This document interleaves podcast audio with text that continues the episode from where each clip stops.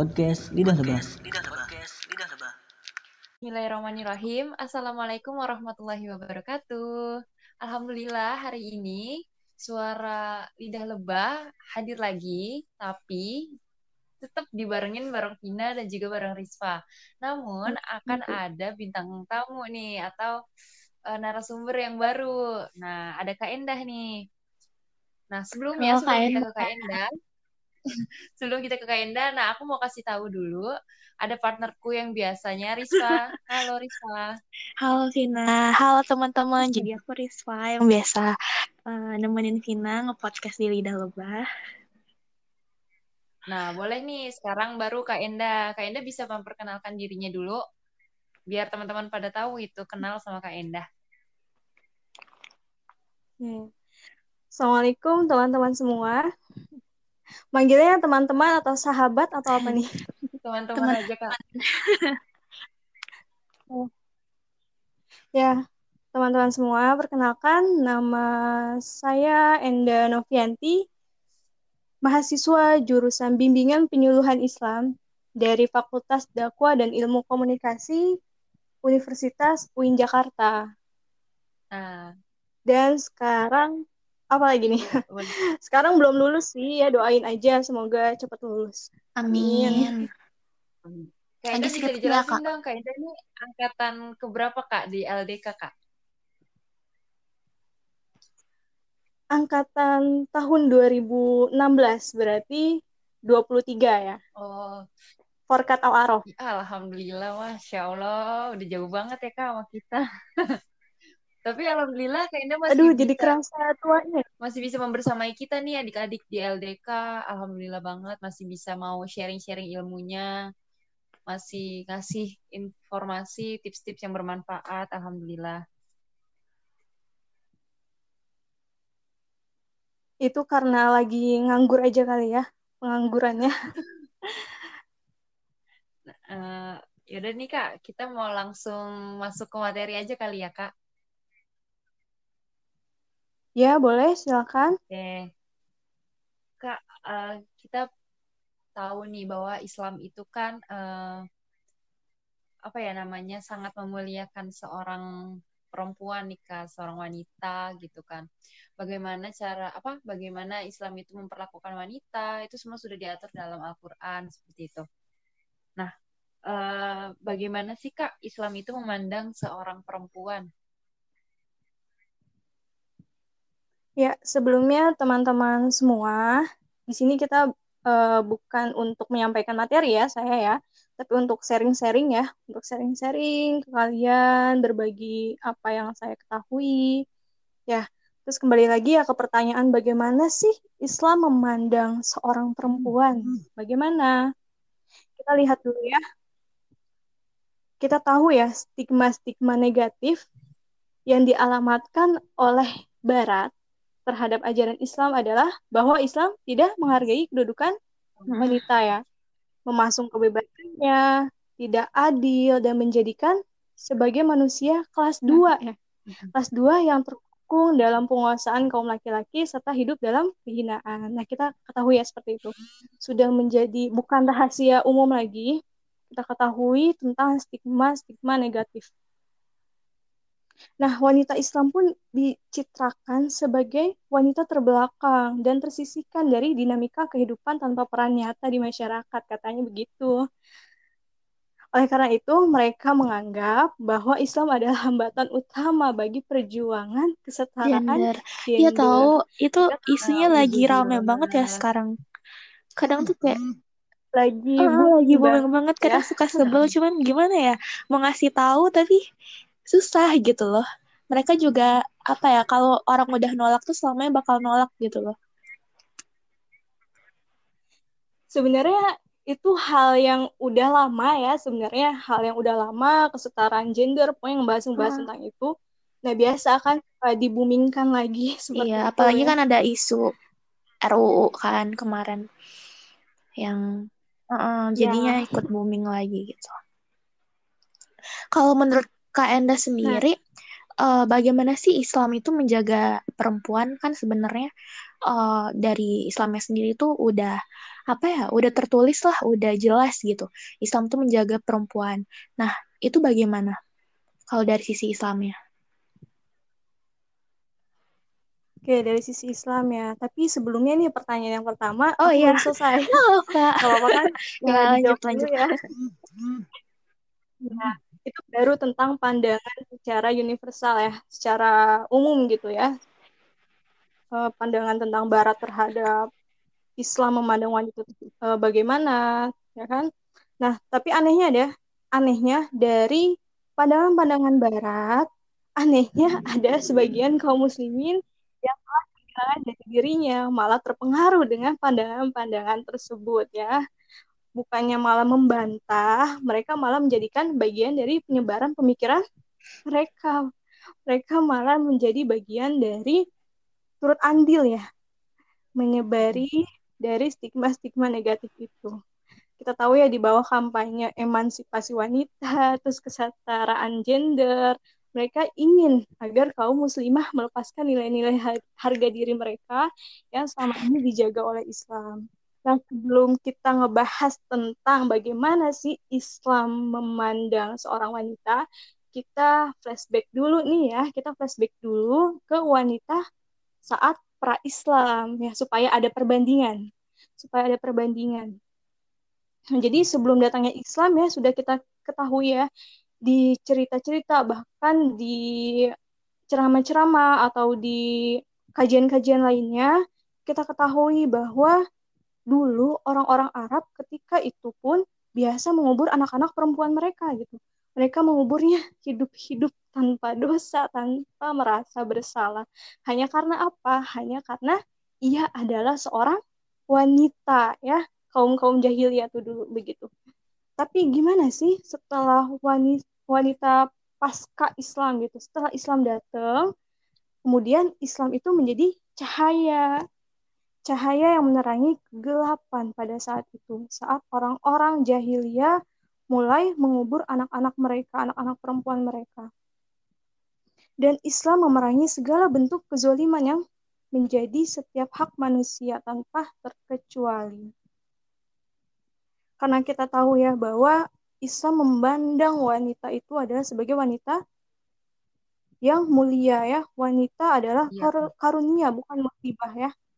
Karunia hmm. karena dari dirinya lah terlahir anak-anak laki-laki maupun perempuan. Dan dari dirinya lah terlahir anak-anak yang solih dan solihah. Seperti itu. Iya benar. Para pejuang Islam ya kak. Lahir dari rahim seorang perempuan ya kak. Iya insya Allah ya. Bismillah. Amin insya Allah. Nah tadi setelah kakak udah kasih tahu apa namanya uh, Islam yang memandang ternyata sebenarnya Islam itu kan memang memuliakan seorang perempuan ya kak tidak yeah. tidak se tidak sebanding dengan uh, pemikiran-pemikirannya Barat yang menyangka bahwa Islam itu mengekang perempuan, membatasi perempuan, apa namanya? Kan mereka uh, memiliki stigma bahwa uh, perempuan itu tidak bisa ngapa-ngapain lah kak gitu, dianggapnya sangat uh, sangat tidak sangat tidak dibutuhkan gitu. Sebenarnya Islam itu sangat menjunjung tinggi seorang perempuan karena uh, perempuan itu memang apa ya kayak memang diberikan kemuliaan oleh Allah Subhanahu wa taala ya, Kak. Cakep 100 buat Vina. Namun kan nih, kita lanjut. Lalu bagaimana sih Kak uh, Islam itu menjaga seorang perempuan? Gimana sih cara uh, Islam menjaga seorang perempuan, wanita, ya gimana caranya ya? Kalau misalkan di, kita lihat ya dari Al-Quran. Nah, di situ Allah mengkhususkan ya, Allah menurunkan surat hmm. Anisa ya. Iya, Kak. Itu adalah salah satu cara Allah memuliakan wanita, yaitu dengan cara menurunkan surat Anisa. Di mana surat Anisa ini menjelaskan tentang berbagai macam permasalahan yang menyangkut perihal perempuan. Yang ada di dalamnya dijelaskan pula hak-haknya, kewajibannya, kisah-kisah perempuan, benar. Jadi sudah jelas ya Allah menjaga seorang wanita salah satunya lewat Quran surat An-Nisa. Terus apalagi sih?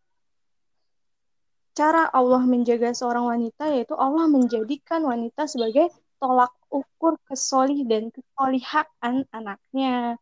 Ya karena wanita adalah majelis pertama yang dimasuki seorang anak sebelum mereka masuk ke majelis yang selanjutnya. Sebelum mereka atau anak-anak tuh dikasih ke ustazah atau ustadznya. Sebelum anak-anak dikasih ke gurunya dititipkan ke sekolah wanita lah yang menjadi majelis pertama madrasah pertama untuk anak-anaknya. Itulah kenapa keilmuan seorang wanita menjadi aspek yang menentukan dalam mendidik anak. Nah bahkan pentingnya perempuan dalam mendidik anak itu Rasulullah Shallallahu Alaihi Wasallam melarang para orang tua untuk menyusukan bayinya ya, nyusuin bayinya hmm. kepada wanita-wanita yang lemah akalnya gitu. Karena kan air susu itu dapat pada si bayinya. Nah, wanita menjadi tolak ukur kesolih dan kesolihaan anak-anaknya ini, inilah bentuk penjagaan Islam kepada wanita.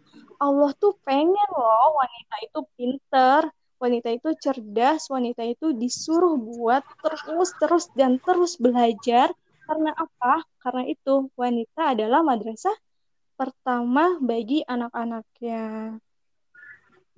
Jadi oh, madrasah ula ya kak? Iya. Jadi wanita itu dijaga melalui ilmu-ilmu yang bermanfaat. uh, kalau keunggulan seorang perempuan itu sendiri itu apa sih kak? Keunggulan seorang perempuan ya. Jadi kan uh, Islam itu menempatkan wanita sebagai makhluk yang istimewa ya, istimewa oleh sebab itu diberi keunggulan-keunggulan. Lalu apa sih keunggulan wanita itu?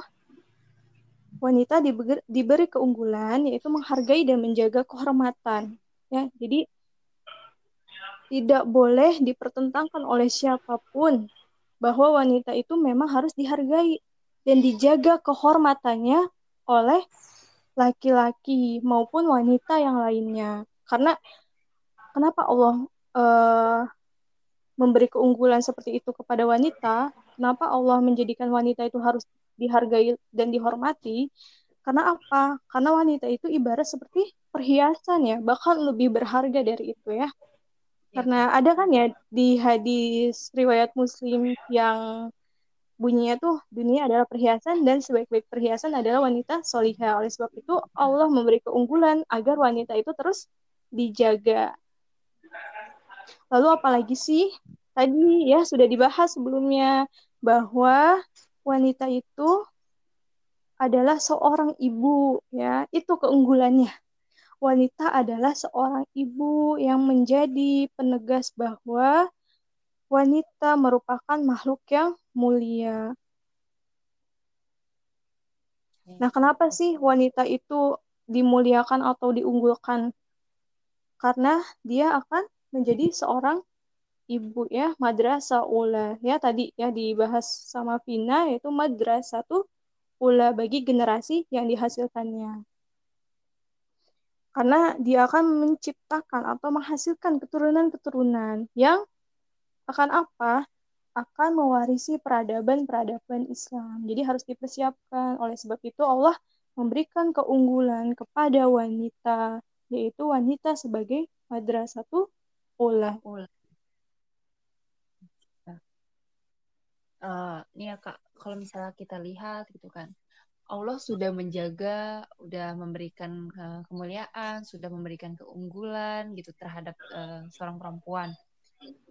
Lalu bagaimana sekarang jika kita lihat fenomenanya bahwa perempuan ini sendiri pada zaman sekarang malah malah memilih untuk mengumbar aibnya sendiri atau malah uh, apa ya kak lebih menontonkan agar uh, semua mata itu tertarik untuk melihatnya. Nah, bagaimana sih kak cara menyikapi hal tersebut? Ini fenomena di medsos ya, media sosial. Ya kak, benar karena akhir-akhir ini tuh karena COVID seperti ini banyak perempuan-perempuan yang mungkin uh, tidak apa ya kak kerjaannya mungkin sedang tidak banyak ataupun sedang longgar sehingga malah melakukan hal-hal yang tidak perlu seperti itu gitu loh kak.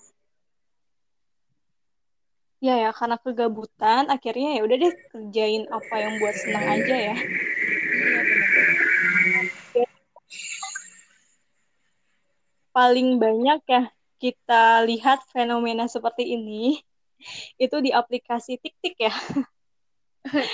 Tik-tik bunyi hujan. Tahu aja Kak Indah. karena melihat gitu, karena melihat. Jadi tahu. Jadi pandangan perempuan ya ketika mengumbar rasa malunya itu gimana gitu kan maksudnya gitu kan. Ya, Kak. Jadi harus ketahui dulu nih apa sih malu itu? Sifat malu itu apa? Jadi hakikat dari malu adalah akhlak yang muncul dalam diri untuk meninggalkan keburukan dan mencegah diri dari kelalaiannya. Itu menurut Imam Nawawi. Sebenarnya ini ya, malu itu ada jenisnya gitu. Sifat malu itu ada jenisnya. Malu yang bersifat fitrah, yang malu yang dialami dalam diri seseorang saat melihat gambar yang seronok gitu. Gambar yang dalam tanda kutip maka dia akan malu gitu malu pada dirinya. Kayak ih ngapain sih gue ngeliat kayak ginian? gitu. Malu gitu malu sama dirinya sendiri. Ngapain ngeliat kayak gituan? Nah itu bersifat fitrah. Yang kedua itu malu yang bersumber dari iman biasanya. Nah misalnya biasanya orang-orang yang bersumber dari iman itu dia sering menghindari tempat-tempat maksiat atau perbuatan-perbuatan yang mengandung maksiat. Itu perbuatan hmm ya gitulah perbuatan gitu. Nggak usah dijelasin ya perbuatan-perbuatan yang mengandung maksiat. Karena apa? Orang yang mempunyai keimanan ini akan malu pada Allah. Karena dia karena dia udah mempunyai iman jadi dia percaya bahwa Allah itu melihat kapan di mana dia berada gitu dan apa yang dia lakukan. Nah selanjutnya adalah malu yang muncul dalam jiwa kita gitu. Misalnya perasaan yang menganggap uh, tidak malu seperti telanjang di hadapan orang banyak, mohon maaf ya, terus melenggak-lenggokkan tubuhnya, uh, terus apalagi ya, ya gitulah yang seharusnya tidak pantas untuk dilihat gitu. Sebagai seorang uh, sebagai seorang wanita ya. Padahal ya, uh, Ali bin Abi Thalib pun menjelaskan bahwa orang itu menjadikan rasa malunya itu sebagai pakaiannya gitu, sebagai pakaiannya. Karena ya, karena sifat malu itu, jika kita mempunyai sifat malu, maka tidak akan memunculkan kemudorotan-kemudorotan gitu. Karena kita tuh udah malu sendiri gitu. Ngapain sih kita berbuat seperti itu gitu. Bahkan akan menimbulkan kebaikan-kebaikan. Jadi dengan kata lain dari eh, pernyataan-pernyataan uh, saya tadi, bahwa seseorang yang kehilangan sifat malunya yang tersisa dalam dirinya hanyalah keburukan-keburukan dari ucapannya, perangainya, terus kata-kata kotor yang keluar dari mulutnya, terus banyak lah ya perangai-perangai keburukan, akhlak-akhlak buruk. Nah itu adalah orang-orang yang sudah kehilangan rasa malunya. Sebenarnya sih ya kalau kita melihat fenomena sekarang ya, betapa uh, media sosial ini sudah banyak digunakan mendunia ya sudah mendunia sudah banyak yang menggunakannya sebenarnya ya media sosial ini sangat boleh digunakan gitu silakan aja silakan aja menggunakan media sosial ini. Tapi apa? Ada tapinya. Tapi gunakanlah sebagai sarana menyebar kebaikan bermanfaat untuk orang lain gitu. Mm-hmm. dah. Dan main tik tik di sini pun silakan aja silakan gitu. Kalian main tik-tik di sini tuh silakan. Bagus malah kan? Bagus. Tapi untuk apa? Digunakan untuk hal-hal yang bermanfaat. Seperti sosialisasi kesehatan ya. Karena kan sekarang lagi covid ya. Ya kak atau buat konten-konten yang bagus deh. Gimana cara belajar asik saat pandemi nih? Wajib-wajib uh, guru nih muncul nih. Gimana caranya belajar asik saat pandemi? Ya kan bagus tuh ya ke kalau kita bikin uh, konten yang seperti itu. Bahkan karena tik-tik ini kebanyakan yeah. pelajar kan ya anak-anak hmm. muda gitu yang menggunakannya. Ini bisa lebih gitu. mudah sosialisasinya ya kak ya? Nah iya lebih bagus lebih mudah untuk sosialisasinya. Karena kan bete di rumah pandemi terus kebanyakan ke medsos ke medsos lagi buka tik-tik lagi kan. Buat aja tuh konten asik ya yang asik bisa dibuat karena melihat ya nah konten ini tuh konten belajar asik ini kita buat karena kita melihat juga fenomena di sini gitu.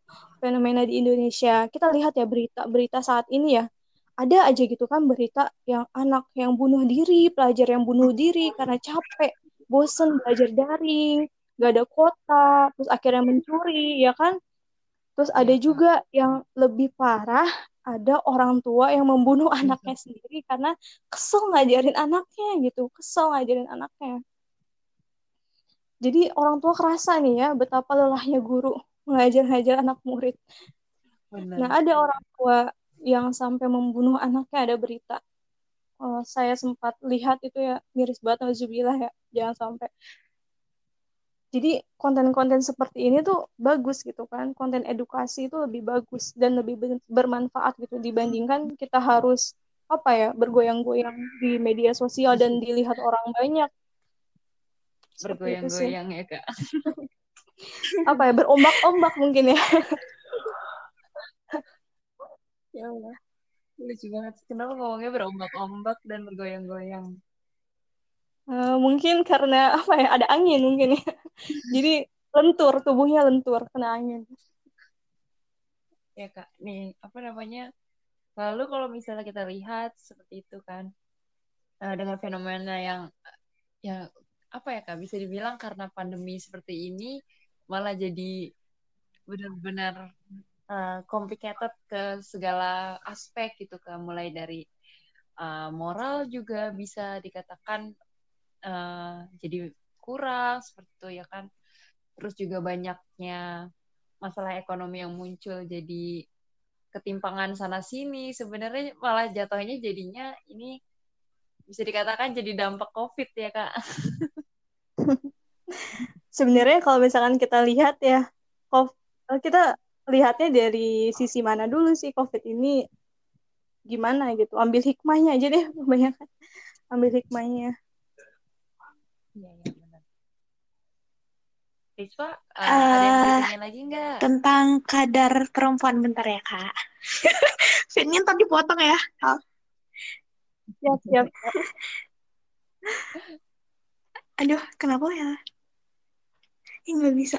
Jadi uh, sebenarnya kadar perempuan itu dalam Islam tuh sebatas mana sih kak? Kayak um, seharusnya perempuan itu uh, bertingkah laku batasannya uh, dalam dalam fenomena yang sekarang emang lagi eksis-eksisnya ya media sosial dan banyak perempuan yang menggunakannya untuk ya untuk mengeksiskan diri dengan berjoget ria dengan um, ya eksisnya uh, mungkin gak cuma sekedar foto tapi dia juga uh, melakukan sesuatu yang hura-hura gitu. Maksudnya kayak party di ditunjukin ke halayak ramai di media sosial apalagi media sosialnya itu TikTok di mana anak sekarang tuh lebih banyak menggunakan TikTok sebagai media sosial daripada media lainnya. Nah sebenarnya kalau dari Islam sendiri itu perempuan batasnya itu semana sih kak Iya, jadi kadar perempuan dirinya. Oh ya, kadar perempuan menjaga dirinya ya. Iya kak. Sebenarnya sih kadar perempuan untuk menjaga dirinya yang pertama yaitu dia harus mengenali tentang kehormatan dirinya sendiri sih. Jadi menjaga kehormatan diri udah cukup itu aja. Ketika dia tahu sejauh mana dirinya dihormati, ya dia tahu dia akan melakukan apa dia akan bertindak iya apa. sih kalau zaman sekarang susah. Karena gimana ya kalau ngomongin kehormatan diri kan balik ke dirinya lagi ke dirinya lagi dan uh, dan kesadaran itu juga nggak bisa ada langsung gitu aja. Dengan kita kasih tahu eh, eh nggak uh, nggak boleh loh kayak gitu eh jangan gini dong. Kan nggak bisa muncul gitu aja ya kesadaran orang. Jadi susah juga sih sebenarnya.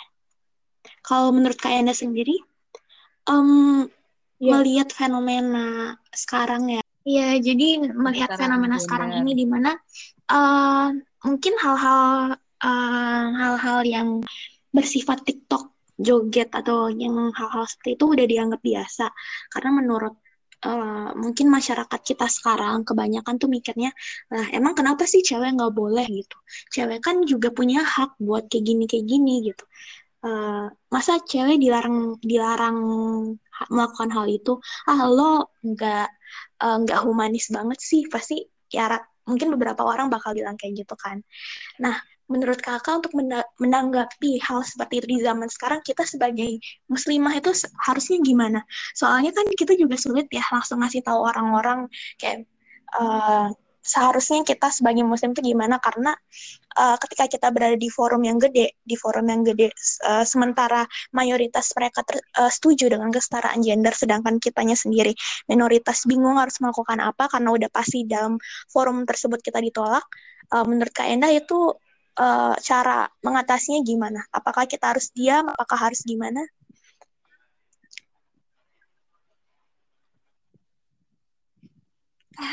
Apakah kita harus gimana?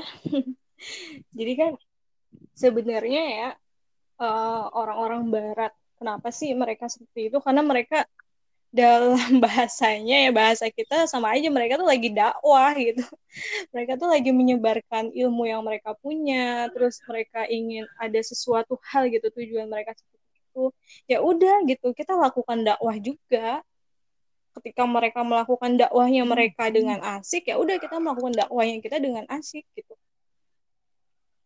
Karena kan ya kaum muda sekarang itu kenapa sih bisa menerima hmm. dengan mudah gitu pernyataan-pernyataan mereka? Padahal mereka padahal kaum muda ini orang Islam sendiri gitu. Bahkan Islam dari lahir gitu. Karena ya gitu mudah diterima asik gitu. Penyampaian mereka tuh asik gitu. ya udah berarti kita harus putar otak nih gimana caranya ya udah berarti tadi gunakan uh, media sosial konten-konten dengan membuat konten-konten yang bermanfaat, asik juga gitu. Manfaatin dah media sosial dengan cara-cara yang bermanfaat dengan konten-konten yang bisa menyebarkan dakwah gitu, menyebarkan menyebarkan kebaikan, jangan mau kalah sama mereka. Mereka aja bisa begitu, masa kita enggak gitu kan. Itu sih kalau itu di forum yang besar ya, kita nggak kenal sama orangnya gitu, kita nggak kenal sama dia yang lagi uh, berjoget gitu kan di media tik uh, tik tik atau media lainnya. Ya mungkin tuh jadi pakai balas lagi aja pakai konten-konten dakwah yang bermanfaat untuk menasehati mereka yang asik gitu konten-konten yang asik yang bisa diterima oleh halayak ramai yang kreatif kayak gitu tapi beda lagi ya kalau misalkan kita menegur yang kita kenal gitu kan. Yang kita kenal itu beda lagi kan. Uh, kita lihat juga adab-adab menegur teman kan. Kayak gitu sih dari aku. Jadi ya manfaatkan aja konten-konten dengan membuat konten-konten yang asik bermanfaat untuk menyebarkan dakwah gitu. Nggak ada salahnya kok. Kayak gitu uh, ini mungkin untuk the apa ya the last statement aja nih buat ke eh, dari Kak Endah untuk teman-teman semuanya. Biar bisa dijadikan apa ya uh, bisa diambil atau bisa dijadikan pelajaran gitu.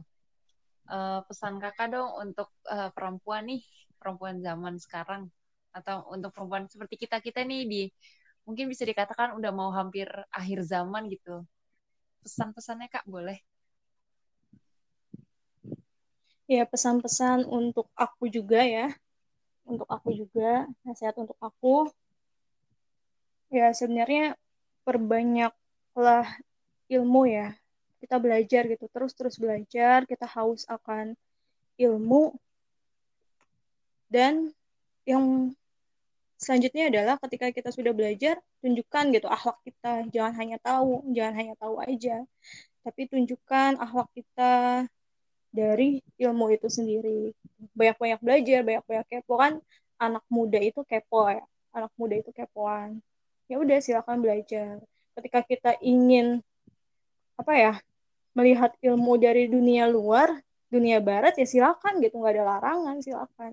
Tapi kita harus bisa menempatkan diri kita. Mana yang baik mana yang perlu diambil mana yang cukup jadi pengetahuan saja dan mana yang harus disebarkan lagi gitu kan dan kita jangan sampai ya eh, ketika kita jadi orang Islam ya jangan sampai kita asing dengan Islam itu sendiri gitu kan.